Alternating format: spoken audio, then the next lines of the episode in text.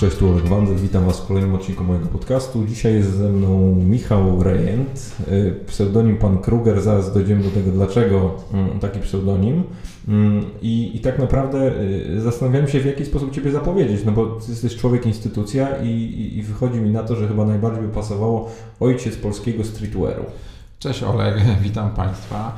E, wiesz co, przez, no tak, przez bardzo wiele lat nie wiedziałem, nie wiedziałem jak sam siebie zapowiadać, ale może to wynikało z tego, że nie miałem zbyt wielu okazji.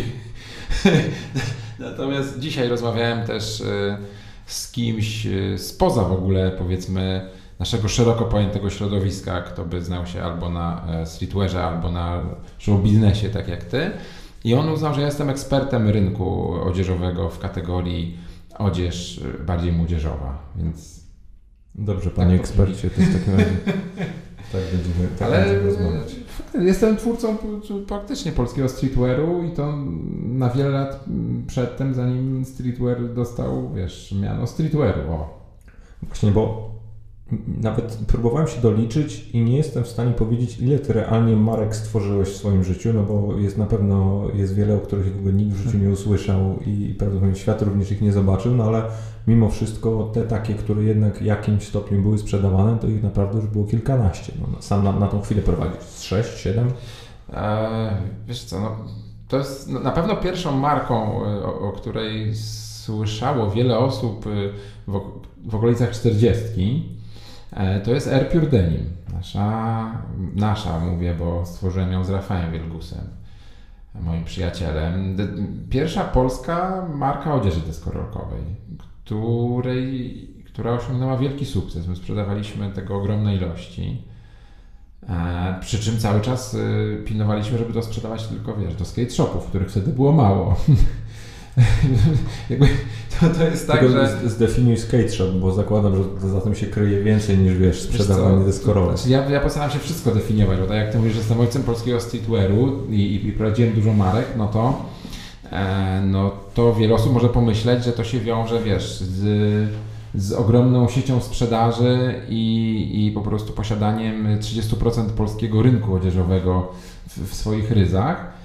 A to jest tak, że te, te, większość tych marek przez wiele lat prowadziłem e, z entuzjazmu i z miłości do tego, nie? z ideologii, czyli nie tworzyliśmy, bo często to robiłem z różnymi partnerami, ale nie tworzyłem tego w celach stricte biznesowych, tylko z zainteresowania tym, z chęci wykreowania w Polsce czegoś, co zaobserwowałem za granicą i co bardzo mnie pochłaniało. Za tym, jak to było dobrze zrobione, szedł jakiś sukces biznesowy tego, e, ale nie zawsze. Czasami te nasze marki, takie jak na przykład sklep H24, gdzie w ogóle się poznaliśmy 10 lat temu, gdzie też był temu. moim pomysłem, e, był, były dużo za wcześnie stworzone, wiesz, jak na Polskę. No. Ten sklep powinien teraz działać, to by to by myślę odnosił fajne sukcesy.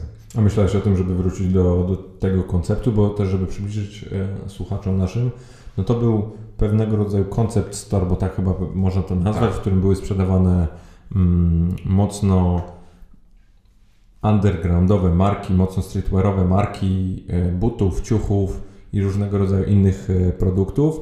E, wydaje mi się, że mm, Teraz y, wiele z tych rzeczy, które były sprzedawane wówczas u Was, można znaleźć w takich sklepach w stylu Urban Outfitters albo, albo tego typu miejsca, bo tam też się, nie pamiętam, pojawił Cheap Monday, e, pojawiały się różnego rodzaju inne brandy tego typu, ale to, co mnie, pamiętam, urzekło w haszu e, najbardziej, to, to to, że Wy wtedy serwowaliście kawę i kanapki do, do zakupów i tam mogłeś przyjść i, i tak mhm. naprawdę spędzić godzinę na, na gadaniu o, o właśnie o modzie, o butach, o różnego rodzaju innych, e, innych rzeczach, a dopiero gdzieś ten zakup był e, ostatnim, no, ostatnim punktem na tej drodze i, i zastanawiam na ile w, w tej całej, no, w Twojej percepcji streetwearu te, to takie doświadczenie samego procesu sprzedaży jest istotne. Słuchaj, e, po pierwsze, po pierwsze odniosę do tego, co powiedziałeś, że tam sprzedawaliśmy undergroundowe, niszowe marki i to jest w ogóle, znaczy, to jest słowo undergroundowe to jest cała, cała tajemnica streetwearu, czyli streetwear ogólnie powinien być trochę niedostępny, bo jak coś się robi dostępne i noszą to wszyscy, to to już dla tych, co się interesują streetwearem, to już wtedy nie jest streetwearem, tylko jest tym, czym są wszyscy. Natomiast, żeby marki, żeby móc prowadzić biznes na markach undergroundowych, to, to, to, to dane społeczeństwo musi być, wiesz, tak rozwinięte konsumpcyjnie i tak znudzone łatwo dostępnymi rzeczami, że zaczyna szukać rzeczy niedostępnych, więc dlatego cały ten streetwear, który, który mnie zawsze pasjonował i, i który E, który, którego jakby rozwój obserwuję, no to, to działa w wielkich ośrodkach miejskich. I 10 lat temu Warszawa nie była takim ośrodkiem, moim zdaniem. Po prostu było za mało tych ludzi, którzy by już się znudzili rzeczami, które mogą łatwiej dostać. No dzisiaj, dzisiaj już stanowczo tak jest, że coraz więcej osób możesz spotkać na ulicy dużych miast, bo to nie mm. tylko też Warszawa, no do Poznania, Wrocławia. Mm którzy jednak szukają mm, jakiegoś tego swojego ja i noszą coraz to z perspektywy takiego normalnego Kowalskiego dziwniejsze rzeczy. I, no tak. E, I zastanawiam się, czy to już jest tak, że to jednak są wciąż jednostki, czy jednak ten streetwear w tym takim bardziej masowym wydaniu jakoś się zakorzenił. Pytanie też, czy w ogóle może mówić w takich definicjach, no bo sam przed chwilą powiedziałeś, że to jednak musi być hmm. w pewnym sensie niszowe.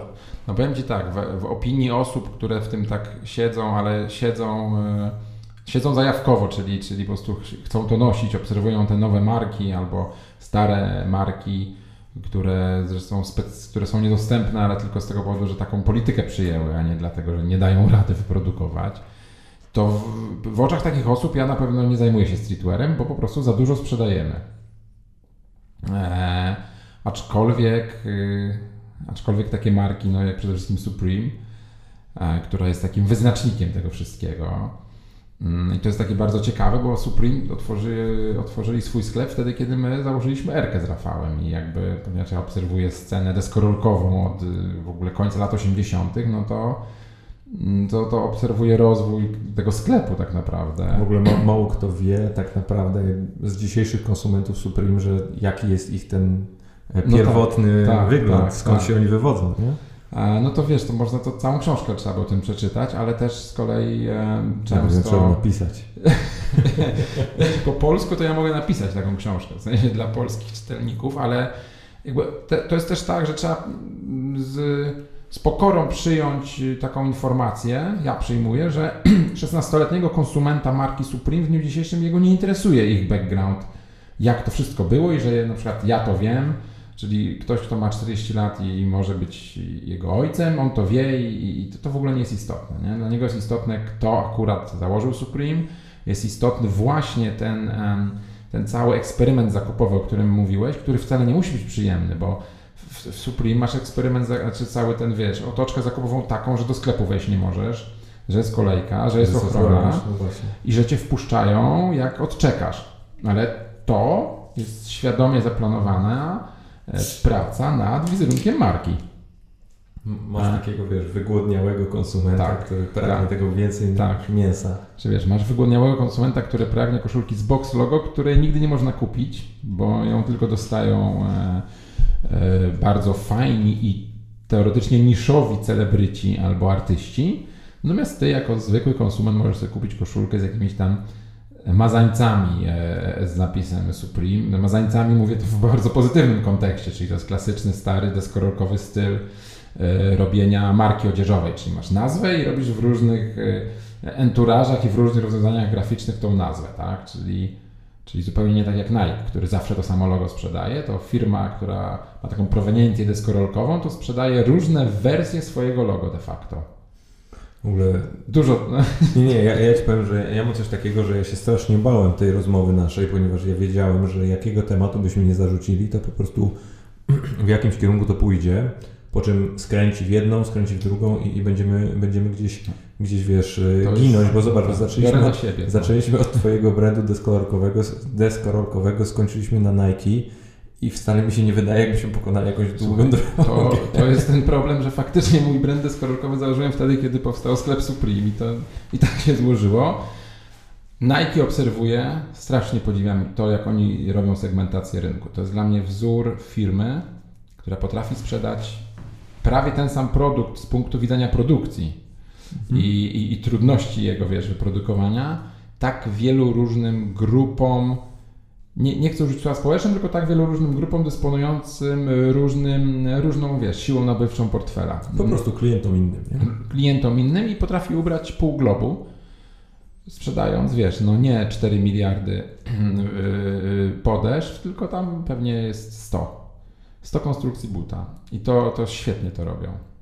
Dla mnie to jest niesamowite, jak sobie popatrzysz na przykład na jakieś takie kultowe kolorystyki typu mm, Air Maxy 90 Infrared albo mhm. tego typu buty, no gdzieś kultowe mm, z perspektywy właśnie osób, które gdzieś w tej branży czy w tak. tym środowisku siedzą, no to samego tego buta było chyba z 30 edycji, nie? jak nie mhm. więcej.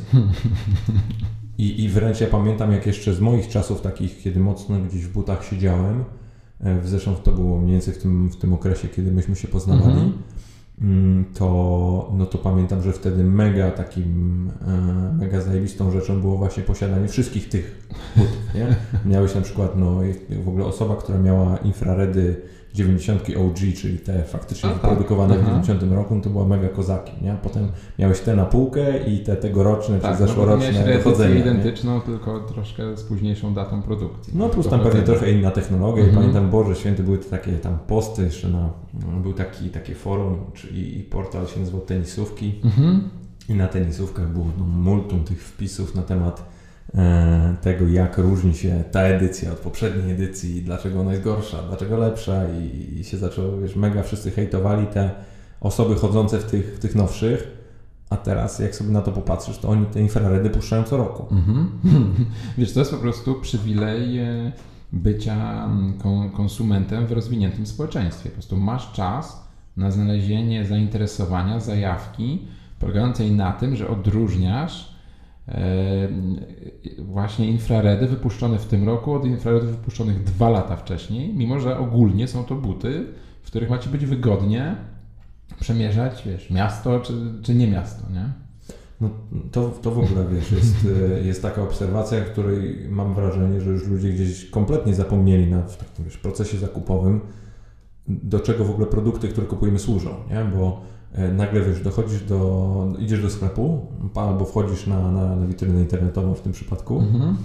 i patrzysz na coś i ty się nie zastanawiasz, czy on będzie spełniał swoje podstawowe funkcje, czyli czy, tak jak powiedziałeś, będzie ci w nich wygodnie, czy będą nieprzemakalne, czy mm, jak, nie wiem, będziesz musiał przed kimś uciekać, to zdążysz, mhm. tylko czy będą ci pasować do spodni, które kupiłeś wczoraj. No tak, a, a, a, a kupujące spodnie też jakiś e, odbierasz przekaz marketingowy producenta spodni, który już ci sugeruje, że będą pasować do tych najnowszych Nike'ów, które dopiero wyjdą za 3 miesiące. Nie, to jakby ja dzisiaj, mm, nie wiem, na przykład jestem przekonany, że jakbyśmy tak sobie pogadali, no to mamy wrażenie, że jesteśmy świadomymi konsumentami mm -hmm. i mhm. możemy śmiało powiedzieć, że taka chamska, prosta reklama na nas nie działa. Nie działa. Nie? A, mhm. a to jest główno prawda. W sensie ty jesteś cały czas w jakimś stopniu bombardowany tym przekazem, nawet jeżeli nie jest to w sposób bezpośredni, bo ja jak finalnie, nie wiem, idę do sklepu albo myślę jakkolwiek o tym, żeby coś kupić, to nagle mi się przy, tylko przypominają obrazki osób, które w tym widziałem, albo jakichś sytuacji, które mi się podobały, albo jakiegoś docelowego mm, takiego luku czy, czy wydarzenia, jakie chcę wygenerować mhm. poprzez znaczy, to. Nie, no to jest jasne. Jeżeli na przykład uwolnisz się od jakiegoś tam, nawet użyję słowa niewolnictwa co do marki i stylu w rzeczach typu na przykład spodnie i buty, to nadal Ci pozostanie jakaś własna nisza, na przykład zegarek. I już tam w tym zegarku będziesz sobie ustalał, że tam się jednak poddajesz, tam rozróżniasz marki, tej marce wierzysz, ta istnieje za krótko, ta jednak za, za krótko produkuje własny werk, wiesz. No i to jest tak, że zupełnie niemożliwe jest uwolnić się od tego tak stuprocentowo, żyjąc y, w takich y, ośrodkach, jak my żyjemy. A jak ty do tego podchodzisz? No, z jednej strony widząc to wszystko od strony producenta, czyli mhm. Y, musisz codziennie odrabiać te lekcje, to znaczy tworzyć produkty i marki, które mają się komuś podobać, mhm. a z drugiej strony bycie po drugiej stronie jako konsument, no, który faktycznie nie, nie chce zwariować od ilości tego wszystkiego. Wiesz co, ale no, zastanawiałem się nad tym, bo przez jakiś w ostatnim czasie, nawet może przez ostatni rok miałem taki problem właśnie, znaczy, świtał mi w głowie, ewentualny problem filozoficzny, czy samemu nie ulegając i nie, w zasadzie nie zajmując się, nie tracąc czasu na poszukiwanie dla siebie nowych marek, nowej kurtki, czy, czy jak to pogodzić z tym, że, że ludziom sam to proponuję. Ale wyszedłem obronną ręką z tego dylematu, bo uznałem, że ja po prostu dzisiaj, zajmując, robiąc 25, jakby w przyszłym roku będę miał 25 lat pracy od tego 94 roku nad własnymi markami, to uznałem, że ja po 25 latach e, pracy nad własnymi markami, to jestem na poziomie zwykłej osoby, która nie pracuje nad markami, tylko sobie je kupuje, tak jakby ona 200 lat, wiesz, 250 lat uczestniczyła w tym. Ja po prostu mam w swoim życiu za dużo dostałem marek na głowę, więc ja osobiście się tym nie zajmuję jako konsument. Po to, żeby mieć czystszą głowę, czyste serce i z radością prezentować moim ewentualnym klientom moje wytwory. No to na co w takim razie wykorzystujesz tą przestrzeń w głowie, jaką sobie zrobiłeś przez uwolnienie się od tego? Mm, wiesz co, właśnie powiem Ci, że wykorzystuję na to, że mogę bardziej e, bez, bez, bez, bezstronnie albo wręcz bez, em, bez emocji podchodzić do tego, co robię. Czyli umiem to ocenić, bo, bo to jest tak, jakby mm, osiąg, osiągałem, myślę, sukces w tych moich markach albo mareczkach, bo się bardzo w nie angażowałem emocjonalnie. Czyli myślę, że niejako czułem, co potrzebują ludzie, którzy chcą jakoś zaspokoić, wiesz, swoje emocje zakupowe. Jakoś miałem taki rozwinięty radar po prostu. Wrażliwość można, można to nazwać. E, ale w, w, momencie, jak e, się nam zaczęła rozwijać e, nasza najmocniejsza marka, czyli Peleny Lala, która jest marką dla dziewczyn, a nie dla chłopaków, to zaczę, zacząłem rozumieć, że wcale ten mój wewnętrzny radar, który mimo wszystko jest jakby jakimś męskim radarem, jakby jest potrzebny mi do początku wprowadzenia marki, do jakiegoś zrozumienia jej, wiesz, jej DNA i do pilnowania spójności, ale potem może w pewnym momencie blokować. Czyli żeby mój własny gust potrzebny jest mi do startu danej marki, ale potem ja już jego wręcz nie potrzebuję, bo coraz szersze grono konsumentów odbiera tą markę i ja nie jestem już w stanie im narzucić własnego gustu tak bardzo. Rozumiesz? Czyli ja teraz, ja teraz to wykorzystuję do takiego spokoju zen w ocenie własnej pracy. A jak sobie radzisz z tym takim uczuciem, nie wiem czy to można nazwać próżnością, czy jakąś taką wewnętrzną arogancją, to są oczywiście duże słowa, no, ale mimo mhm. wszystko tworząc pewną rzecz albo już mając określone doświadczenie, sam powiedziałeś 25 lat, no to człowiek wstaje rano i generalnie ma takie przekonanie, że raczej zna się na tym, co robi. Mhm wydaje mi się, że musi być trudno mm, czasem dać komuś innemu zająć się tą częścią kreatywną, na której wydaje ci się, albo jesteś wręcz przekonany, że się na tym znasz, nie? a potem dochodzisz do wniosku jednak, że ktoś to potrafi zrobić lepiej. Hmm. Wiesz co? No właśnie bardzo mi pomaga to, że w zasadzie prowadzimy kilka marek. Ja sobie sam na sobie robię eksperymenty, czyli na przykład tworzymy markę albo albo nawet z jakiejś istniejącej marki, nagle w ogóle rezygnuję z zajmowania się nią de facto, tylko no, sprawdzam powiedzmy postęp prac, tak, ale zupełnie odłączam się od procesu i kreatywnego, i nadzoru tego procesu kreatywnego i zostawiam to komuś i patrzę, jak, jaki to jest efekt.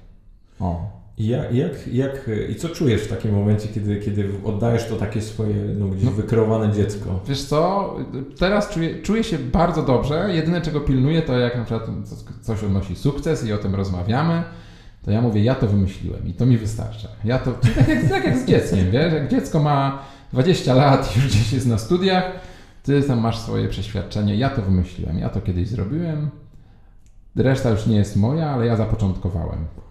Na dzieci zaraz wejdziemy, na pewno, bo to jest w ogóle... Powiem Ci, że to jest, to jest gdzieś temat, który, mm, który jak tak Ciebie trochę obserwuję, to, to jest dla mnie też personalnie źródłem wielu inspiracji, bo mimo wszystko nie, nie spotyka się wiele osób, które no, zajmują się jakimś własnym biznesem, które faktycznie są w stanie w jakimś stopniu tak dbać o, o te relacje, e, ale tak jak mówię, do tego wrócimy, bo, bo, chcę się, bo chcę się jeszcze na tej lali zatrzymać na chwilkę, mm. bo jak zresztą trafnie zauważyłeś, no Twój największy sukces, na pewno komercyjny, bo tak. to kreatywny sukces możesz jakoś inaczej pewnie sam definiować. To jest mocno subiektywne, no ale sukces komercyjny równa się PLN Lala. Dokładnie. PLN Lala, które są tak naprawdę sequelem, marką B w stosunku do głównych PLN-ów. I jak ja to zobaczyłem na początku, ja mówię, wow. W sensie, jak, jak możesz połączyć jedno z drugim, a w ogóle, a najgo, na, na, taka nie, nie, nie najgorszy, tylko taki największy ząg miałem, kiedy zobaczyłem, że dziewczyny w Poznaniu i Wrocławiu noszą koszulki warszawska lala. I, I weź mi to wytłumacz. Ja tego do dziś nie potrafię zrozumieć, że, że faktycznie nie, gdzie nie pojedziesz do dużego ośrodka, to laski noszą takie rzeczy. Słuchaj. E... Gdzie patriotyzm lokalny? No właśnie, już Ci mówię, że Eliza Minetti, czyli nasza dyrektor kreatywna marki, e, z którą w zasadzie razem wymyślałem tą markę od, od początku, jej, jej wizerunek. E, jakby w każdym wywiadzie też odpowiada na to pytanie i ona zawsze mówi, że warszawska lala jest, nie jest oznaką patriotyzmu. Warszawska lala jest symbolem. Warszawska lala jest takim samym symbolem, jak ty, Olek, mieszkaniec Warszawy, noszący czapkę New York Yankees. Ty nosisz czapkę New York Yankees, bo New York jest symbolem. Nowy Jork jest symbolem tylu rzeczy: wolności, emigracji, biznesu, Wall Street, Broadwayu, rapu. czegokolwiek, rapu. E, że po prostu każdy ma swój Nowy Jork. No to czyli Yankees taka, wiesz, dobra drużyna I, i, I jednak Warszawa ja teraz jakby patriotyzm lokalny jest w, w, ogóle jakby ogólnie każdy patriotyzm jest bardzo fajny, ale też y, czasami zamyka człowieka y, za bardzo w jakiejś skorupie. I teraz bezstronnie patrząc, to Warszawa generuje w Polsce największy ferment biznesowo-twórczy rozwojowy. Każdy. Każdy. Ja jestem z Warszawy, to od razu zaznaczam, od dziecka, z Mokotowa, obecnie mieszkam w Saskiej Kępie. Dalej ale słuszne dzielnice. Yy, bardzo blisko stadionu Legii. I Warszawa, Warszawa generuje ferment, w związku z tym przyciąga najwięcej e, ludzi utalentowanych, ambitnych, rozwojowych. Tu się kręci wszystkie filmy, tutaj są wszystkie ośrodki telewizyjne i cały przekaz tego, jakby mediowy, co się dzieje w Polsce, idzie z Warszawy.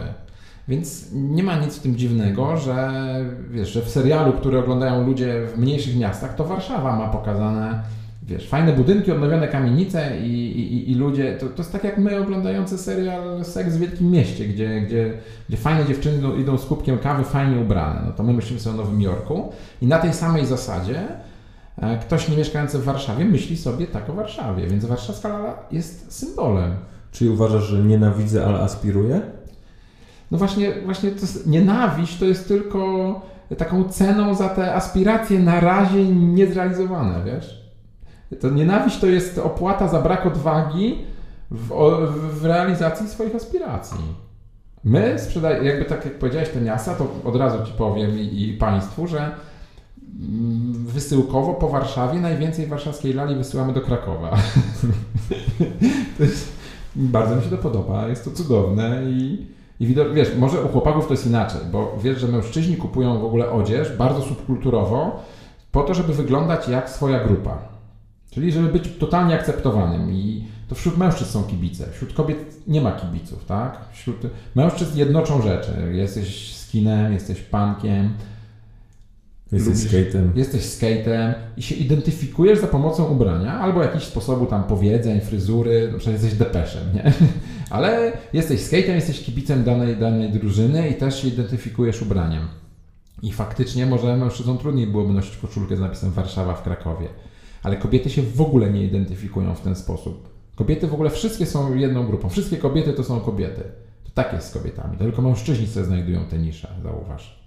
To jest w ogóle mega ciekawa mm, obserwacja, bo, bo ona też, wiesz, otwiera kolejne jakieś tam sfery naszej dyskusji na pewno, ale mm, jak sobie tak na to spojrzysz z perspektywy mocno socjologicznej, to mhm. zobacz, ile w ogóle procesów myślowych i, i takich pewnych ćwiczeń i, i jakichś założeń musisz wykonać, zanim stworzysz taką zanim stworzysz w dużym cudzysłowie głupią koszulkę. Nie? Tak. Nawet na tym poziomie, bo marka to w ogóle wiesz. Mhm. Musisz stworzyć jakieś DNA, jakąś historię, coś tym ludziom powiedzieć i, i, i się jakoś sprzedać. I, I sam powiedziałeś, że no gdzieś ten t-shirt, te jeansy, te buty to jest symbol tej marki. I, e, i, i zastanawiam się, jak. E, czy, czy, czy my dzisiaj, może to też mocno filozoficzne pytanie, ale czy my dzisiaj żyjemy w świecie który jednak jest napędzany przez te marki, czy wciąż jednak ten świat te marki kreuje? Wiesz co, my żyjemy w świecie, gdzie może 5% produktów, albo mniej, albo 1% produktów jest kupowane z powodu ich rzeczywistej użyteczności i potrzeby ich posiadania. Eee, no wiesz, no to tak jak kiedyś się kupowało płaszcz zimowy i się go nosiło pewnie 10 lat, jeżeli przez te 10 lat się nie przytyło. I ten, bo, i ten płaszcz był klasyczny, nigdy nie był niemodny, był po prostu płaszczem zimowym i był tak wykonany, że 10 lat go można było nosić. Tak samo było kiedyś z samochodami. To w ogóle to jest, bo ja wiem, że ty, ty, ty mówiłeś o tych dygresjach i faktycznie... Nie, totalnie okej. Okay. Ja mam taką dygresję, że bo po, pier, po pierwsze, bardzo się interesuję... Powiedziałeś, jakby to była jakaś choroba, nie? Przyznam się Państwu, że mam dygresję. Wiesz co? Mnie bardzo interesuje psychologia w biznesie mhm. i w ogóle jakby bardzo nauki socjologiczne, ale właśnie dlatego, że wszyscy ludzie kupują to z powodów emocjonalnych, i, i, i uwarunkowanych społecznie, a nie z potrzeby posiadania tej rzeczy. No chociażby zegarki. No, ja łatwo mi rozmawiać o zegarkach, bo wiem, że ty też lubisz zegarki. No to przecież one nam nie są potrzebne. My je nosimy, bo się przyzwyczailiśmy do symbolu, że zegarek na ręku jest noszony od, nie wiem, od 100 lat, może od 50. Zawsze oznaczał dorosłego mężczyznę Potem zegarek się dostawało na komunię, więc było to coś wartościowego. Potem zegarek był szwajcarski i słowo szwajcarski funkcjonuje, wiesz, pewnie w 10 albo 20 albo 100 idiomach, które zawsze się kojarzą pozytywnie, tak? Szwajcarska robota, szwajcarskie wykonanie, szwajcarskie pociągi. Chyba, że mówimy o serze, to to jest konotacja negatywna. Ser szwajcarski że jednak... jest dziurawy jak ser szwajcarski. Tak się mówi, ale to, to jest właśnie ta negacja przy tych aspiracjach. No z jednej strony tak, z drugiej strony jak mówią Ci o tym w kontekście Twojej linii defensywnej w piłce nożnej, to gwarantuję Ci, że nie jest to pozytywne. Że dziurawy jak Szwajcar. No ale to... za, mało, za, mało, za mało poświęcam uwagi na relacje sportowe. Muszę... Ale co i tak coraz. Ale ostatnio wygraliśmy z Portugalią. Nie. Jak jeden? Jeden. To przecież jest wygrana w kontekście poprzednich meczów. To jest wielkie zwycięstwo z Portugalią. Zwłaszcza i, i, i, no tak, no po prostu musi nie grać ten Lewandowski chyba w reprezentacji. On musi być duchem. Chociaż, chociaż to jest przecież świetny piłkarz. Wróćmy do. Nie, bo do jest światowej klasy napastnik, więc on nie może. W Polsce ma za, za mało pola do popisu. Do Szwajcarii powinien wyjechać. Co najmniej. A jest blisko. Ma niedaleko. To prawda. Ale ma na pewno szwajcarski zegarek. No, no właśnie. On ma szwajcarski zegarek i, i dlatego no a przyznasz, że żeby mierzyć czas, to teraz wystarczy smartfon, którego ma każdy, więc teraz, teraz już y, w dzisiaj, serio, dzisiaj w 2018 roku idea posiadania zegarku na ręku, takiego zegarka, takiego jak my mamy, czyli zwykły mechaniczny, który jest y, tak naprawdę arcydziełem, wiesz, rzemiosła, to ta idea jest y, produktowo to zupełnie niepotrzebna. Funkcjonalnie również. Funkcjonalnie zero. On przecież przeszkadza, jak przy nadgarstku. E, ten zegarek świetnie wygląda, zaspokaja jakąś e, męską próżność, w sensie, że no nie nosisz biżuterii jak dziewczyny, więc zegarkiem pokazujesz swój, swoje poczucie estetyki, status, e, bo po prostu te zegarki, ten kosztuje tyle, ten, tyle, ten, tyle. Potem wchodzisz na te różne poziomy, że stać cię na zegarek za tyle, ale nie kupujesz y, najbardziej znanego zegarka za tyle, tylko ten zupełnie nieznany, więc te osoby, co się znają, to dopiero docenią. To jest w ogóle gdzieś fenomenalna historia, jak sobie tak popatrzysz, jak każda rzecz, którą nosimy, w jakimś stopniu Ciebie definiuje i, tak. wysyła bardzo określony przekaz. No jest, jest, teraz jest, znaczy jesteśmy w totalnej pułapce, bo na przykład jesteś ubrany w rzeczach, które według Ciebie Cię nie definiują, bo są bez, bez widocznych marek. Nie, nie. To oznaka proszę, proszę bez tutaj sugerowania, nie powiedziałem, że według, według mnie mnie nie Nie, nie, ale że mówię, że są w takiej pułapce, że nie jesteś w stanie się nie definiować ubraniem, bo to właśnie prawda. Przez, y, to, to, to, jest, to jest przez, przez, y, przez antydefiniowanie tak samo się definiujesz, nie? No, to tak samo jak bycie w niszy, czy tam w opozycji bardzo ciebie w określony sposób ustawia tak, w stosunku do świata. Tak. No ale to, to, to dlatego, że jest tak ogromny przekaz, nacisk społeczny i jakby wiesz co, no, dominacja agencji reklamowych trwa 50 lat tworzenia marek, tak, no to od lat 50. się po prostu zaczęło po, tworzyć marki. trochę, co? Agencje reklamowe? Też takie wrażenie?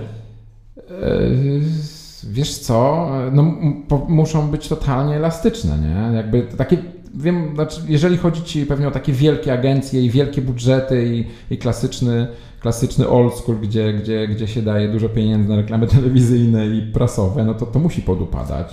Nie mi, mi, raczej chodzi o to, że nie wiem, mam, mam takie wrażenie, bo no siłą rzeczy w ramach naszej firmy no my sporo z, z różnego rodzaju no agencjami no pracujemy i mam takie wrażenie, jakby naprawdę coraz, y, coraz mniej było dobrych pomysłów na rynku reklamowym. Jak wiesz, jak ja ostatnio usłyszałem, że e, cały rytuał picia tequili z solą i z cytryną został wymyślony tak. przez agencję reklamową w Stanach, żeby sprzedawać produkt Jasne, ala meksykański w Stanach, nie? Mhm. I no to jest pomysł, co? To jest mega, nie? Mega. Tak samo jak słyszałem, że jedna z firm produkujących golarki w latach 70. sponsorowała większość filmów w Hollywood, żeby topowi aktorzy grali ogoleni. Mhm. Miała tam 80 czy, czy, ileś tam procent rynku, czyli 7, mhm. 7 8 mhm. facetów w Stanach na 10 kupowały ich maszynki, no, czyli jeżeli wykreowałeś postać ogolonego mężczyzny jako ikony mhm. seksu, symbolu męskości, etc., no to była bardzo duża szansa, że ktoś kupi tę maszynkę. I to jest dla mnie, to jest pomysł. Nie? Tak, ale wiesz co, ja myślę, że te, jakby to, to, o czym mówisz, teraz jest y, niemożliwe z tego powodu, że wtedy było bardzo mało środków przekazu. Czyli jak się tam odnosisz do, nie wiem, lat, no nawet 70. w Stanach, no to tych stacji telewizyjnych pewnie było, słuchaj, no nie wiem, strzelam, no 50, 100 magazynów drukowanych z liczącymi się tytułami o ogólno y, jakby kontynentalnym zasięgu było też 100 albo 200 i to wszystko jedna agencja mogła opanować, tak? Zrobić plan, zrobić plan reklam, plan mediowy i miała pewność, że ta jej reklama dotrze do grupy docelowej, która zawsze o 19 ogląda jakiś dziennik NBC albo Waltera Cronkite'a, cokolwiek tam się odbywało.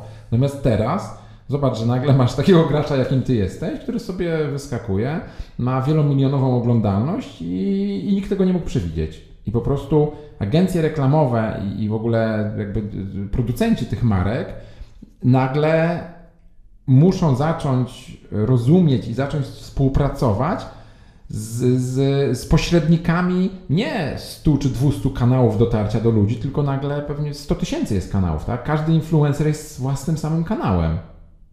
Dla mnie to jest, y, jak, jak sobie na to spojrzysz tak ogólnie szerzej, to jak y, mówisz o tych środkach przekazu, to ja mam też takie wrażenie, że przez to, że ta branża tak bardzo chciała znajdywać cały czas nowe środki mm -hmm. przekazu i cały mm -hmm. czas w pewnym sensie monopolizowała kolejne media, tak. czy medium mm -hmm. bardziej. Wiesz, to, to dzisiaj nie wiem, nie wiem jak ty, ale no oczywiście u mnie to jest trochę zboczenie zawodowe, ale jedziesz przez miasto, ty już nie widzisz, ty, ty nie zwracasz uwagi na te banery, billboardy, mhm. bumpery, mhm. miliardy różnych innych rzeczy. Słuchaj, no po, w Polsce 46% ludzi ma adblocka. No tak. 46% to jest najwięcej na świecie. Tak, Polacy bardzo nie lubią wyskakujących reklam. A z drugiej strony nie lubią płacić za treści.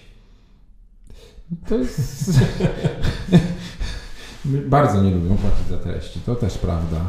Nie wiem, jak sobie to zwykły użytkownik godzi, te dwie chęci. Nie oglądania reklam i nie płacenia za treści.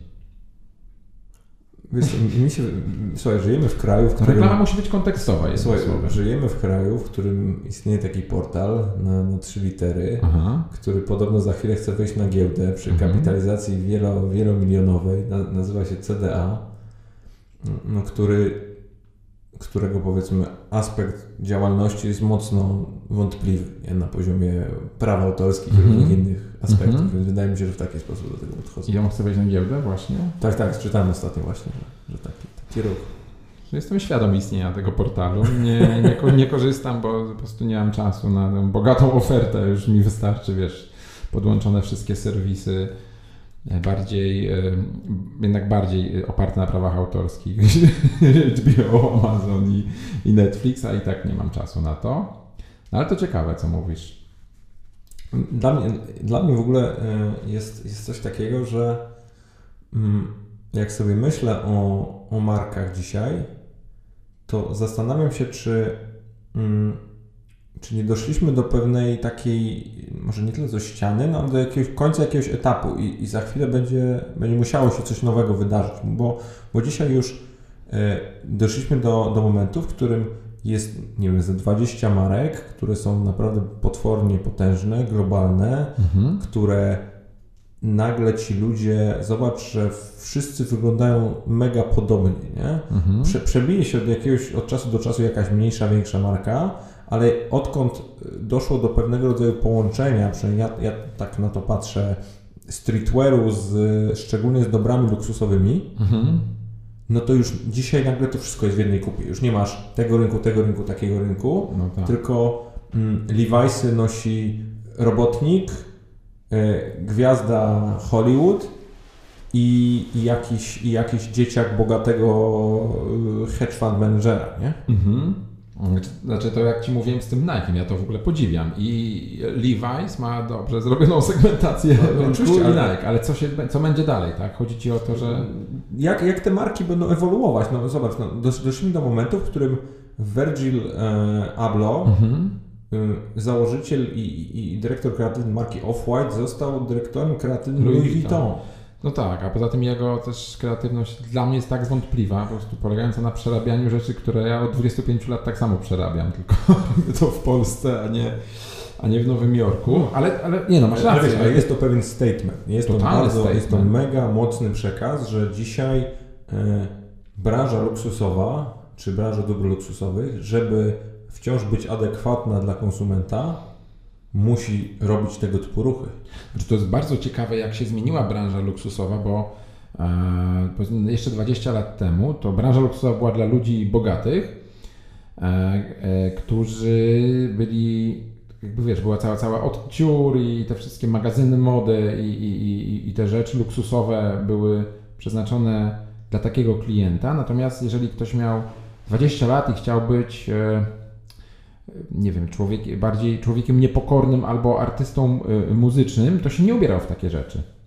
To się ubierał w rzeczy niszowe, skateboardowe, streetwearowe, ale nie w markę, która istnieje 50 lat albo 100 lat i powstała, wiesz, w Paryżu, tak? To, faktycznie tego nie było. No, natomiast zauważ, że ta cała branża mody, o której mówisz, to jest w ogóle w rękach czterech firm, nie? Czyli masz Kering, masz LVMH, LVMH masz Richmond no i, i teraz Michaela Korsa. No, no właśnie i teraz, i... i teraz zobacz, że to, to po prostu parę osób dosłownie w bardzo mądry sposób wymyśliło, jak sięgnąć po nowych klientów. E, I to są normalnie świadome zaplanowane działania strategiczne, które są świetne, są wspaniałe jakby wrzucając takiego faktycznie Virgila Blocha, który, y, no nie wiem, jest po prostu jakąś tam postacią ze streetwearu totalnie, którego robi w bardziej luksusowym wydaniu, w tym Off-White'ie, wrzucając taką osobę na e, dyrektora kreatywnego do, wiesz, domu mody, który istnieje 150 lat i słynie, tak naprawdę to jest dom mody, ale to jest jedna z takich nielicznych marek, które tak jak dla mnie czymś słyną z czegoś więcej niż, niż z mody, bo moda to jest Trudno to Louis, Louis Vuitton, Louis Vuitton wbrew pozorom był bardzo funkcjonalną. No właśnie, Louis Vuitton jest, jest, jest, Louis Vuitton jest twórcą kategorii kufrów podróżnych, luksusowych. I to jest coś prawdziwego, czyli miałeś kiedyś dużo pieniędzy, chciałeś zwiedzać świat, potrzebowałeś 80 kufrów, żeby w 80 dni dookoła świata przejechać świat i byłeś bogatym posiadaczem ziemskim, bo, bo, bo ktoś sobie zwykły na to nie mógł pozwolić. I dla takich osób Louis Vuitton stworzył kufry, prawda? I, i, i, i tą markę, to niezależnie od tego, kto teraz nosi Louis Vuitton i z czym to się kojarzy, to ja taką markę bardzo, bardzo szanuję. Natomiast marka typu Off-White ma 5 lat i oprócz tego, że potrafi działać na emocje jakoś, to ja bym się bardziej skłaniał do tego, że ja tą markę za 50 lat jest, będę gotów ocenić, jeśli dożyję. Albo przynajmniej za 20. No to widzisz, to, to jest e, to, to jest coś, na czym ja bym się teraz zaczepił, bo ja się zastanawiam, czy, czy w ogóle dzisiaj hmm, użytkownik czy konsument jest gotowy na tak długie przywiązanie do brandu. To jest bardzo ciekawe, bo na przykład wiele osób mówi, jak stworzyć markę jak Supreme, nie? Na pewno Jak stworzyć? Ja wtedy odpowiadam, no to jest proste. No to 25 lat temu trzeba otworzyć sklep w Nowym Jorku, gdzie mieć deskorolki i mieć bardzo wspaniałe kontakty z lokalną sceną skateboardową, współpracować z artystami deskorolkowymi, którzy 25 lat temu są nieznanymi nikomu poza właścicielowi sklepu, po prostu grafikami, co robią nadruki. E, nie sprzedawać się w wholesale'u, robić fajne kolaboracje, które najpierw polegają na tym, że się w ogóle kradnie te rzeczy i te wzory. No bo nie wiem, czy pamiętasz, jakby, bo po jest bardzo znane, że Supreme miało proces z Louis Vuitton pewnie 15 lat temu. Zrobili deskę w ten, w ten wzorek Louis po prostu tak sobie, więc, e, więc, więc tam bardzo duże im kary groziły. Louis Vuitton im kazało to przestać. W moim miejscu bym teraz ten pozew oprawił i sobie gdzieś na ścianie powiesił. Tak, znaczy oni dużo ciekawych mieli pozwów, no bo w ogóle cała ca, cały logotyp marki jest, wiesz, ukradziony od bardzo znanej artystki nowojorskiej, Barbary Kruger notabene, która używając jakby czerwonego... przechodzimy do ksywki. Tak, właśnie jeszcze o tym powiem. Która używając właśnie tego czerwonego box logo z tym fontem tworzyła serię obrazów, które dla każdego dzisiejszego fana marki Supreme wyglądają jak normalnie część, e, część estetyki tej firmy, wiesz? Czyli czarno-białe zdjęcia z box logo z różnymi tekstami tam, takimi zaangażowanymi feministycznie. Tylko, że oni to tworząc, ten sklep, nazwa w ogóle jest, nazwa Supreme to jest ukradziona z marki deskorolkowej Powell Peralta, która miała taką serię koszulek. I to jest świetne, bo to jest marka, która ma już 40 lat. Marka, która, która odkryła Tonego Hołka, czyli jakby legendę skateboardingu, tak? Mhm. E, I to jest marka, która miała koszulkę z zapisem Supreme. Z zapisem Supreme i z koroną. I, ja te koszulki Supreme nosiłem zanim powstał sklep Supreme, tylko marki Power Peralta. I to najlepsze jest, że ta marka do tej pory ma te koszulki. Natomiast jak ktoś z, z, wiesz, z obecnej młodzieży albo ludzi nawet w moim wieku będących fanami marki Supreme widzi te koszulki, myślę, że to jest to samo. Oni też im chcieli zakazać robić, ale pa, Peralta w pozwie, w, w odpowiedzi na pozew wykazał, że to robią od 87 roku te koszulki i że w ogóle właściciel sklepu Supreme, który go otworzył w Nowym Jorku w 94, ten, tę nazwę sklepu wziął z ich koszulek, bo towary tej firmy Powell Peralta były na otwarciu sklepu w sklepie dostępne. Więc cała, jakby to, to jest bardzo ciekawe, nie? To oczywiście nie zmienia nic w odbiorze tej marki dla współczesnych fanów, ale cała marka, czyli tak, nazwa jest zapożyczona ze znanej firmy deskorolkowej, a całe logo jest ukradzione od artystki. I to jest jedna z najbardziej teraz wartościowych młodzieżowych marek na świecie, za którą właśnie LVMH zapłacił tam około 500 milionów dolarów, prawda? Dla mnie to jest niesamowite, że ja widzę dzisiaj no, setki młodych dzieciaków i, i ludzi zasuwających w bluzach i koszulkach, koszulkach trasher, mhm. nie mając pojęcia, co to jest. Słuchaj, ale to jest tak. Bo, tak. Ale, ale żadnego pojęcia. No wiem, a ja, ja miałem... To tak, jakbyś, to tak jakby Polak, jakiś polski dzieciak zasuwał w koszulce ślisk. No ale to, to, ten jeden do jeden. Ja wiem, ale wiesz co? Ja, ja nie mam z tym problemu, jakby ja tak. Żeby, żeby też było jasne, to nie, ja to traktuję jako y, gdzieś fenomenalne zjawisko, a nie, mm nie broń Boże, nie, nie, nie neguję tego. Ale nie, nie znaczy, mnie to, ale, ale wiesz. Mm -hmm. to, to jest śmieszne, to jest fajne, natomiast jest to, jest to momentami tak niebezpieczne, bo e, młodzi fani, którzy tego trashera zobaczyli na scenie streetwearowej, pomijając, że to rozpoczął Justin Bieber, który zaczął, wiesz, Justin Bieber. I chyba Travis Scott. No tak, ja już, ja już nie wiem, czy ja, ja obecnie nie, nie podejmuję się powiedzieć, czy Justin Bieber to jest cool, i Travis Scott to jest dużo bardziej cool, ale też nie wiem, czy to jest tak ekstra cool. To tego ja, nie wiem. Kto, kto został bardziej cool po, po tym, jak y, zrobił dziecko Kylie Jenner, czy Kylie Jenner, czy Travis Scott? No nie wiem, kiedyś jak Kanye West zrobił dziecko Kim Kardashian, no to, to ona została bardziej cool jednak. On zaczął być coraz mniej cool. A tutaj z Kylie nie wiem. nie wiem, zupełnie nie wiem. To jest w ogóle powiem Ci, że jak, jak, jak, jak, jak patrzę na tą rodzinę, i sobie myślę, że jest, wiesz, 7 czy tam 10 osób w centrum show biznesu światowego i tak naprawdę... To żałujesz, to jest, to jest, nie, nie, nie, nie, nie, nie, nie, nie, nie, nie, to nie mój, nie mój poziom estetyki, że myślę, ale, mm, ale jak mówiłeś o, wiesz, o strategicznym mhm. ustawianiu, nie, to mm -hmm. pamiętam, jest taki piękny, pięknego mema widziałem właśnie po, po tym newsie mm, o tym, że Kylie zaszła w ciążę z dopiskiem właśnie, jest ten news i pod tym, pod tym komentarz, że Mm, diabeł pracuje ciężko, ale Chris Jenner pracuje tak, jeszcze ciężej. Myślę, że to jest osoba, to jest, to jest wspaniała osoba. Ale wiesz co, wrócę ci do tego Trashera. Bo dawaj, to jest, dawaj. Ja, ja zacząłem czytać Trashera w 89 roku. to jest bardzo dawno. Przywoził mi go tata z zagranicy, potem miałem prenumeratę. E, no to jak zanim miałem prenumeratę, to faktycznie miałem go kilka razy do roku dostawałem Trashera tak długo przeglądałem każdy numer, który miałem, że znam na pamięć do teraz. Czyli jak dostał, patrzyłem na eBayu, można kupić, wiesz, numery archiwalne. Jakbym dostał takiego Trashera, to wiem, co będzie na następnej stronie. To, to była prawdziwa zajawka, wiesz? Po prostu przeglądałeś to na pamięć przez pół roku. Jeden numer gazety. No i teraz logo Trashera, no to jest dla mnie tak y, nieoczywiste, tylko tak, takie znam i tak przyjazne, jak wiesz, jak krzyż dla katolika, nie? Naprawdę. Y, I potem mija te 25 lat, czy 20 i nosi Justin Bieber koszulkę i faktycznie młodzi ludzie zaczynają nosić tego Trashera. I akurat mam dwie historie. Byłem wtedy też, y, no to chyba było dwa lata temu, czy trzy lata temu. Pojechałem do Berlina, do sklepu Titusa. Titus to jest taki e, koleś, który w ogóle wprowadził do Niemiec deskorolkę. Tam w latach 70. miał sieć skate shopów, no po prostu osoba, która w ogóle zaczęła sprowadzać skateboarding do, do Niemiec. Do tej pory ma sieć skate shopów, no ale tak poszedłem do tego sklepu. No i jest ta półka trasherów właśnie, z tych koszulek, tam wzorów różnych 50. No i podchodzę do tej półki i sobie oglądam te koszulki, no ale ponieważ już nie mam 19 lat, tylko wyglądam na, na, na dojrzalszego mężczyznę, jakim jestem, to podchodzi do mnie sprzedawca i mówi, czym panu pomóc, czy pan koszulkę dla, dla dziecka? Ja mówię, no way, ja wiem co to jest, jest fajnie, no i zaczęliśmy rozmawiać i się go pytam, jak się ten trasher sprzedaje, po prostu super. On mówi, mistrzowsko, ale tylko jeden ten wzór, co Justin Bieber nosił ten napis z ogniem. Sprowadziliśmy teraz wszystkie, wzięliśmy, reszta się w ogóle nie sprzedaje. Przychodzą ludzie i mówią, chcemy trashera, mówimy, tu jest trasher, mówią, nie, no ten trasher to z ogniem.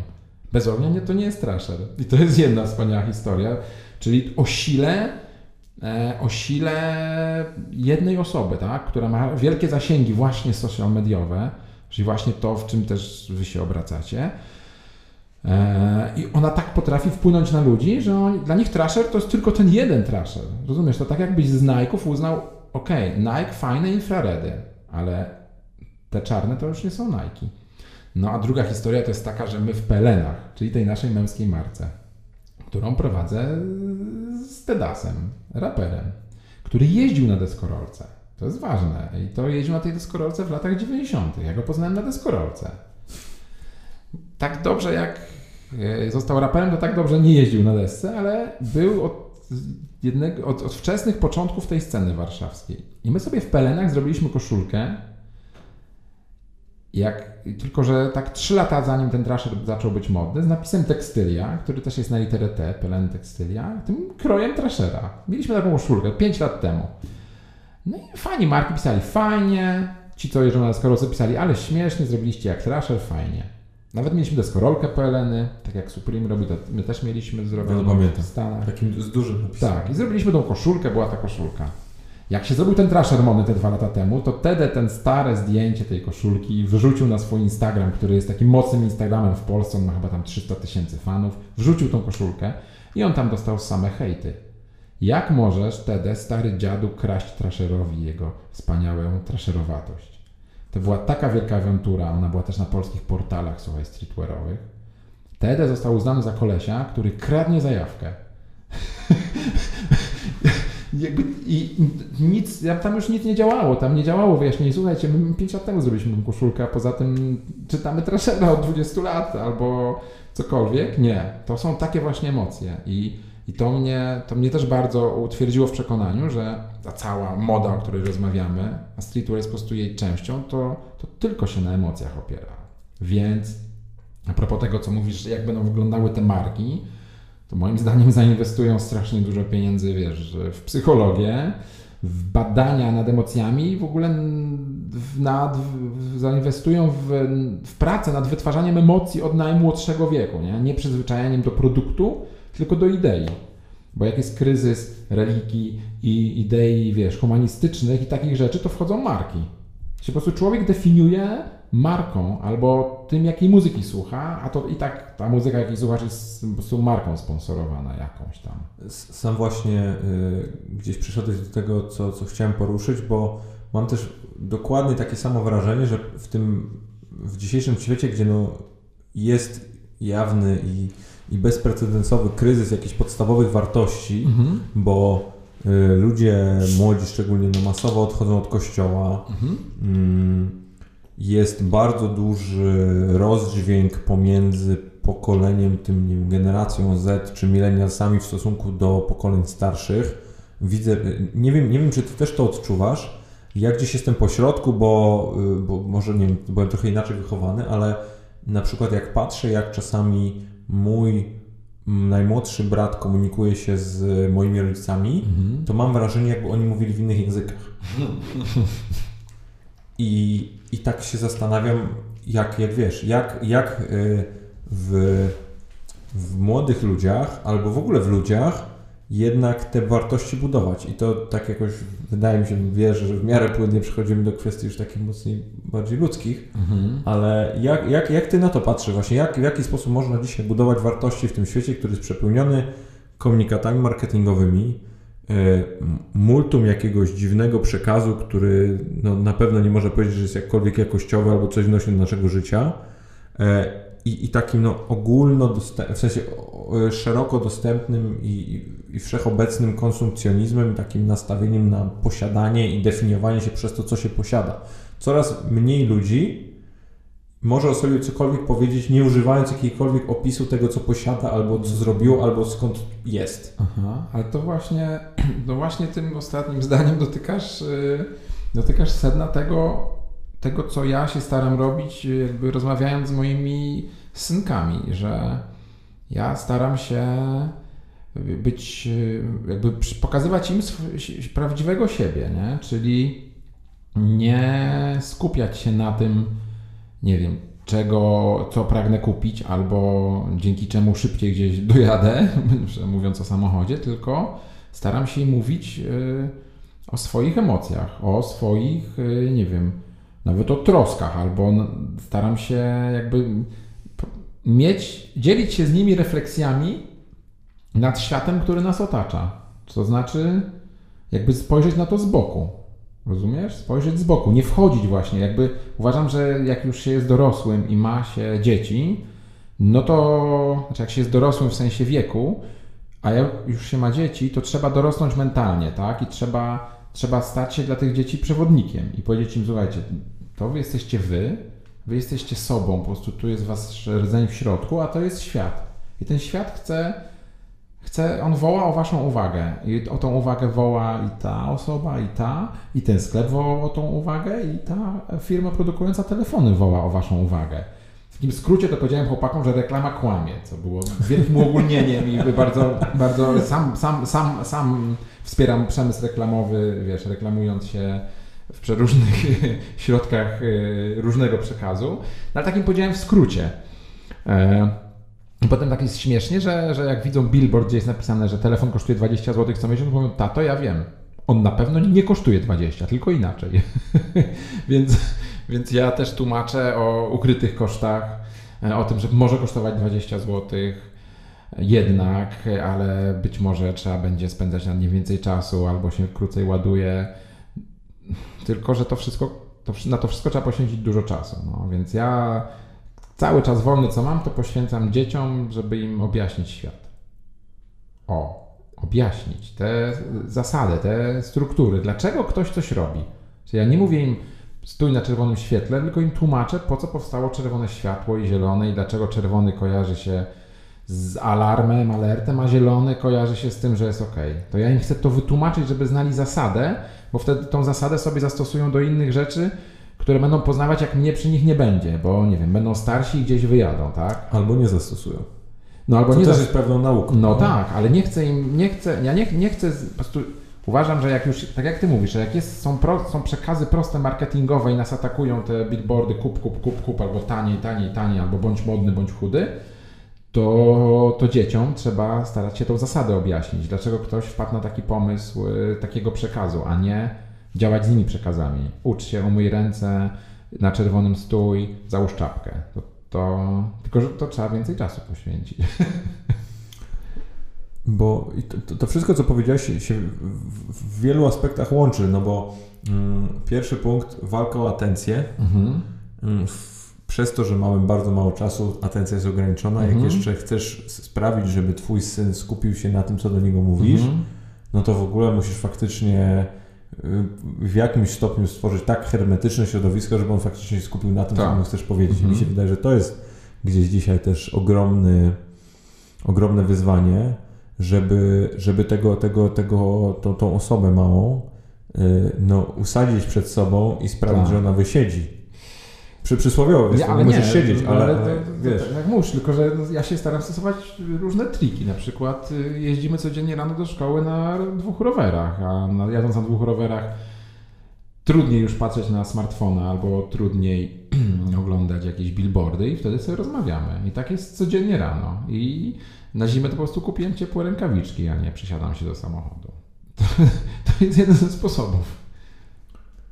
No, czyli cały czas wymyślanie jakichś metod, żeby obejść tak. E, te zasady gry w pewnym sensie. Tak, tak, tak. Ja myślę, że w ogóle dla osoby świadomej albo która chce być trochę świadoma, to trzeba próbować obejść te zasady gry, w które gra większość.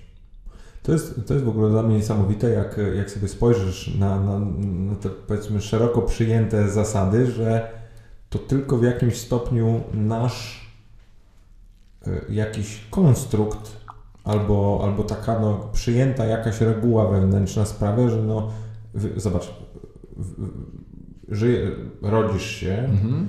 wy, wychowujesz się w jakiejś rodzinie, potem idziesz do szkoły, bo edukacja jest ważna, zdajesz maturę, no bo przecież to za trep nie ma matury, y, idziesz na studia, no bo bez studiów nie dostaniesz pracy, no masz już te studia, z tą pracą nie do końca jest, jest ciężko, to pewnie byłeś na złych studiach, więc idziesz na, drugie, idziesz na drugie studia, znowu nie dostajesz tej pracy, albo dostajesz pracę, która Ci się nie podoba, no ale musisz mhm. zapieprzać, żeby wyżywić rodzinę, albo mhm. jesteś ambitny i chcesz mieć corner office y, z widokiem na miasto i, jesteś w tym jakimś takim pędzie i, i jesteś w tym coraz bardziej i coraz głębiej i nagle się budzisz w wieku lat 60 czy 70 i, i tak sobie myślę, że gdzie, gdzie to wszystko poszło, nie? No tak. No. Czy nie wiem, to jest oczywiście jakaś taka moja hipoteza, ale jak, jak czytam książki i patrzę, oglądam filmy i, i, słucham ludzi bardziej doświadczonych, to mam wciąż takie nieodparte wrażenie, że, że słyszę pewien taki żal albo poczucie, że coś im uleciało, albo że, że, wiesz, że gonili za czymś, co nie było tego warte. no, I, zas I zastanawiam się, w jaki sposób tą, tego typu przekaz powiedzieć tym młodym ludziom, że, że to wcale nie jest tak, że oni muszą jakoś funkcjonować. To, że tak mm. działa, to, to nie znaczy, że to jest no, droga. Nie? To trochę to tak jest, że trzeba być piratem własnego życia. Po prostu jeżeli za każdym razem chcesz robić rzeczy łatwe, do których jest przyzwyczajony świat dookoła i sam je rozumiesz i, i, i, i powtarzać, bo jest ci łatwiej, no to faktycznie mając dużo lat i na przykład zbliżając się do końca swojego życia, poczujesz, że, że to wszystko się zlało, wiesz, to jakby robienie tych rzeczy konformistycznych dla siebie potem się zlewa w jeden ten sam po prostu taki ciąg życia, który w ogóle wygląda ci jak mrugnięcie, nie?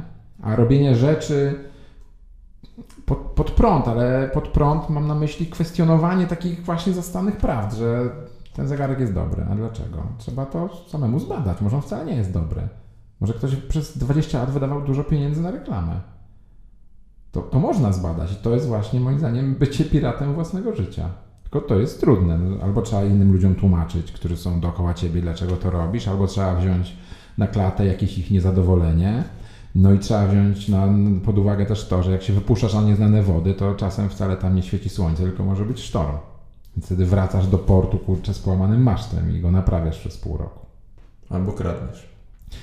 Albo kradniesz maszt. No nie polecam, żeby kraść każdy maszt, ale może się zdarzyć sytuacja, że jakiś maszt trzeba, trzeba sobie pożyczyć. Nie wiem. No wtedy, jak już miałbyś kiedyś umierać, to przynajmniej wliczasz te wszystkie, wiesz, morza, na które próbowałeś się dostać a nie jeden akwen. tak, no. To chyba w każdym obszarze życia się, się można zastosować ten, ten mój skromny przepis. A, a jak patrzysz na swoje życie, to raczej wciąż masz tendencję do odkrywania tych właśnie nowych akwenów, czy raczej już chcesz eksplorować sobie ten, na którym jesteś? Nie, ja dopiero czuję, że teraz zaczynam życie. Ja właśnie ja dopiero, dopiero teraz mam, wiesz, przystosowany galeon na, na, na dalekie wojaże przez oceany. Tak, chcę odkrywać. To w ogóle nie ma sensu już pomyśleć, że, że się przystaje. No, trzeba wziąć pod uwagę takie rzeczy jak wiek i, i wydolność fizyczną. W sensie nie, nie zostanę już, y, wiesz, narciarzem zjazdowym, dobrym, ale... Ale, ale słabym może zostać. Słabym mogę zostać, ale nie no, absolutnie, tylko myślę o odkrywaniu. Ca cały czas siebie testuję w przeróżnych, yy, są w przeróżnych tam, w przeróżnych aspektach życia, no. Na przykład, yy, nie wiem, jaki to jest, jaki powiedzieć przykład, żeby twoi słuchacze mnie zrozumieli, a nie, a, nie, a nie pomyśleli, że faktycznie mam jakąś chorobę, czyli jak mieliśmy, jaką powiedziałem chorobę? Dygresję. Dygresja, nie, że dygresja to jest choroba. Czyli słuchaj, no ostatnio wierzę, że, wierzę trochę w minimalizm taki życiowy i po prostu no, nie, mam, nie mam za bardzo rzeczy w domu, nie? Czyli mam dwa garnki i patrzę, że dwa mi wystarczą. Jeden duży, drugi mały, no bo, no bo tak, no w małym gotuję jajka, w dużym gotuję makaron dla chłopców. Wiesz, to jest uroczym paradoksem. E, strasznie dużo ludzi pracujących w jakimkolwiek no, przemyśle takim Kons konsumenckim, tak mm -hmm. ale w reklamie, mm -hmm. w, mhm. w, produkowaniu dóbr konsumenckich czy jakichkolwiek usług mm -hmm. tego typu, właśnie dochodzi do bardzo podobnego wniosku co ty, że, że w sumie no, natworzyliśmy tego, tego całego shitu mhm. strasznie dużo. Mhm. Opowiedzieliśmy tonę fajnych historii, jesteśmy z nich zajebiście dumni, ale na koniec dnia to w sumie nie ma znaczenia. Słuchaj, y, ty możesz tak mówić, ja tworzę bardzo fajną odzież, to ma znaczenie. Nie, nie. nie, ale no, to, Wiesz, słuchaj, ja, jasne, ja, to nie ma znaczenia. Może ja nie tworzę, więc może, może... To nie ma znaczenia. Ja na pewno jestem, y, słuchaj, ja to jak ty mówisz, że jeszcze masz przed sobą wiele tych akwenów, to ja mam jeszcze więcej. No właśnie. Tak wierzę. Ale, y, ale, no, ale, słuchaj, ale, nie ma ale, znaczenia. Nie ma, nie ma znaczenia zupełnie, bo już w tej chwili, jak ja teraz z tą rozmawiam, to nie ma znaczenia nawet na jakiej zastawie jadłem śniadanie. Naprawdę, naprawdę nie ma, nie? Ta zastawa dawno jest brudna i stoi w zmywarce. Albo nie, jak nie zdążyłem włożyć. U mnie nie stoi. No widzisz. U mnie to męczy strasznie. A, ale to właśnie jest tak, że jakbyś nie miał zmywarki, miałbyś jedną zastawę, to zawsze by, byś ją umył, już by cię nic nie męczyło, nie? To tak jest. Znaczenie na pewno ma dobre odżywianie się, wiesz, bo to jest jedyna rzecz, która buduje twój organizm. To jest bardzo ważne. Ja dopiero to czuję od roku. Wcześniej uważam, że jedzenie służy też dużo przyjemności i właśnie tym emocjom, wiesz, lubisz to, a to tego nie lubisz, a to ci się kojarzy z tym, a to coś, a te najważniejsze są dobre składniki, o które dzisiaj ja nie wiem, gdzie się zdobywa dobre składniki. Chyba trzeba samemu mieć kurę, samemu ją wypuszczać na swoją trawę i samemu pilnować, że to są te jajka, ale ale a propos śniadania, to mi się tak przypomniało, że starałem się jeść, zdrowe. ale zastawa jest nieważna. Byleby była jakkolwiek estetyczna w Twoim pojmowaniu. No. Albo funkcjonalna. Funkcjonalna, estetyczna, ale ważne, że nie, nie musisz jej mieć w domu, wiesz, 28 y, e, zestawów na 28 różnych okazji, z których każda wydarza się raz na dwa lata. Jak nie rzadziej. Tak, a dużo, dużo, dużo no, są osoby, które właśnie mają taką tendencję. Ona jest dobra dla producentów ceramiki. Albo srebra. Srebra, tak. I ja ostatnio słyszałem w ogóle, że e, ludzie inwestują w srebrne sztućce. No. Tak jak, tak jak wiesz, tak jak w, no może nie, że w zegarki, ale Aha. Y, to, to jest dla mnie ten po, podobny poziom pewnego odjazdu, jak mhm. inwestowanie w pięciocentówki w Stanach. Słyszałeś o tym? Nie. Że wyprodukowanie pięciocentówki kosztuje 6 A, centów. Tak. Czyli, czyli za każdą pięciocentówkę jesteś do przodu 1 cent. Tak, Rozumiem. tylko nie możesz ich przetopić. Nie możesz. Nie. Y, to jest taki hedging na wypadek, gdyby upadł Bank Ameryki. Okej. Okay. Czyli hmm. się dopiero przetopić, kiedy już była totalna kontrabanda i sami piraci. Rozumiem. A one z jakiego są? Nie z jakiejś miedzi. Z jakiejś, jakiś, jakiś stop to musi być, bo to nie może być czyste. Rozumiem. To ja już wiem skąd te problemy Ameryki, bo jak oni do, dokładają centa do każdych pięciu. Ale w Polsce jest podobna historia chyba z jedno albo dwugroszówkami. Staram się wspierać, jakby jedno, dwa w piekarni nie biorę tej reszty. Bo po prostu nie chcę, nie chcę obciążać budżetu naszego, albo czy to, czy, chyba, że to NBP jako niezależny bank jest obciążany. No chyba tak.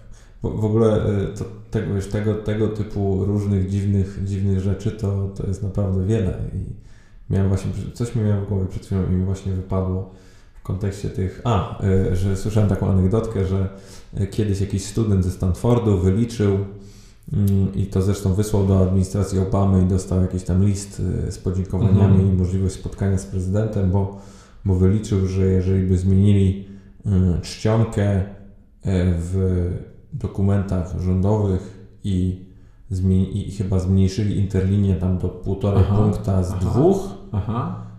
to za, są w stanie na przestrzeni roku zaoszczędzić 20 milionów dolarów dla administracji publicznej. To już mi Na papierze. Czyli, ale nagrodzili go na papierze z niezmienioną czcionką na pewno i z niezmienioną interlinią. Oczywiście, tak. Bo to są też czasami rzeczy estetyczne, nie? Tak, to są, to są niesamowite, niesamowite historie. Ale jeszcze wróciłbym, wróciłbym na chwilę do Marek bo, y, bo, bo, bo czas nam się trochę kończy, mhm. a, a dla mnie to jest jak na przestrzeni tej całej rozmowy y, gdzieś niesamowita historia, że ty o tych markach y, mówisz w taki sposób, jakby właśnie, wiesz, zjadł śniadanie, nie? No zjadłem śniadanie, zrobiłem sobie markę. Wiesz, Zajebista rzecz, w sensie strasznie Ci tego zazdroszczę, bo jak jeszcze sobie na przykład przypomnę moje pierwsze flirty w ogóle z jakimiś własnymi pomysłami, mm -hmm. no to mhm. zawsze, wiesz, wielkie, kurde, zajebisty, wiesz, big ideas, tak. zmienić mm -hmm. świat, nie? Mm -hmm. A, a jak im, im, im dłużej na to patrzę, mam takie wrażenie, że, że najfajniejsze właśnie jest w tym, żeby się w tym wszystkim nie napinać. Tak, absolutnie, wiesz, bo, bo, bo ale wiesz dlaczego? Dlatego, bo jak się nie napinasz, to mniej boli porażka.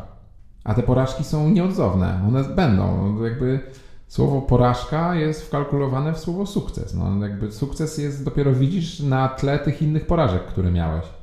Ja miałem bardzo dużo porażek i bardzo dużo straciłem pieniędzy właśnie na tworzeniu marki albo na tym, że bardzo kochałem tą markę i, i chciałem, żeby się rozwijała, ale ludzie tak nie uważali i tak nie kupowali, jak bym chciał, a ja zbyt późno się orientowałem w tym, więc. Masz jakąś swoją ulubioną porażkę? Eee... Wiesz co, obecnie moja ulubiona porażka to, to, to, to nadal będziemy próbowali ją e, e, wskrzesić, więc nie mogę o niej, o niej mówić. E, to może w następnym, jak, jak jeszcze raz się spotkamy, to opowiem. Teraz tak nie, nie mam na, na, na tą chwilę. Okej. Okay. No ale mam, no, ten nasz sklep, w którym się poznaliśmy, to jest jedna z moich ulubionych porażek, bo to był wielki sklep, miał 200 metrów kwadratowych w samym centrum Warszawy, Mokotowska Róg Koszykowej, czyli przepięknej kamienicy. Przepięknej kamienicy. Trochę tą porażkę przekułem w sukces, bo mam teraz 50 metrów dalej dwa sklepy Pereny Lala obok się, naprzeciwko siebie i one działają super, więc... E, a inne sklepy tam się zamykają niektóre, więc... Większość. No właśnie, a, a, a, a mój już się zamknął 10 lat temu, więc teraz wiem jak prowadzić tam sklepy. To tak, to jest taka dobra porażka, wiesz? Zamknąłem tam sklep 10 lat temu, to teraz mogę mieć dwa. Karma wraca. Słuchaj, to, to, na koniec, to na koniec bym miał jeszcze do Ciebie jedno pytanie, mm, bo stanowczo Cię trzymam za słowo i będziemy musieli powtórkę zrobić, bo, bo tu bo bardzo wielu rzeczy nie, nie poruszyliśmy, ale, ale jestem przekonany, że jak na jedno posiedzenie, to też dla, dla potencjalnych słuchaczy naszych to mogło być trochę za dużo, jakbyśmy tutaj zaczęli wierzyć w jakieś takie bardziej molekularne rzeczy. Mm, powiedz mi, e, jakbyś miał billboard, taki ogromny billboard, już pomijam ten aspekt, czy ludzie na niego patrzą, czy nie patrzą, ale hipotetycznie ludzie mogą i wszyscy ludzie na świecie mieliby do niego możliwość i mówiłbyś w takim języku, że oni są w stanie to zrozumieć, to co byś tam wrzucił? Co byś chciał tym ludziom przekazać? Pierw pomyślałem, że napisałem tam idź odpocząć, ale to, to, jest, to już jest zbyt sprecyzowany przekaz. E, no, myślę, żebym naprawdę napisał, że myśląc o przyszłości, e, psujesz przyszłość. Czyli, że naprawdę liczy się tylko chwila obecna. Naprawdę, żeby żyć chwilą, ale to w ogóle nie znaczy YOLO, to w ogóle nie znaczy, to, to w ogóle nie znaczy to, wiesz, to, to nie chodzi o życie chwilą, to chodzi o myślenie o tej chwili, ja nie wiem, myśl, myśl chwilą bym napisał, tym, że ale mi się bardzo podobało to, y, nie myśl o przyszłości, bo niszczysz przyszłość. Tak, tak. To super. No to tak, zostawmy. Po angielsku pewnie będzie brzmiało to, lep to lepiej. Nie, myślę, że po angielsku chcesz wyjść z tej rozmowy. Słuchaj, spoglądam na mój zegarek, który mam i jest ta sama godzina co na Twoim. To jest godzina, w której muszę się zbierać, bo idę na spotkanie z ważnymi ludźmi z, mo z mojego małego przedsiębiorstwa. A propos, a, propos, a propos pracowania i rozwijania firmy. Tak wygląda mój wieczór. No to życzę Ci w takim razie miłego wieczoru i a tym, którzy słuchają tego rano, to miłego dnia. Tak, dzięki Oleg, dziękuję Dzie Państwu dzięki za, za wysłuchanie. Miłego dnia i e, żyjcie chwilą, ale w, w, w dobrym tego słowa znaczeniu. No, dziękuję. Dziękuję. Hej.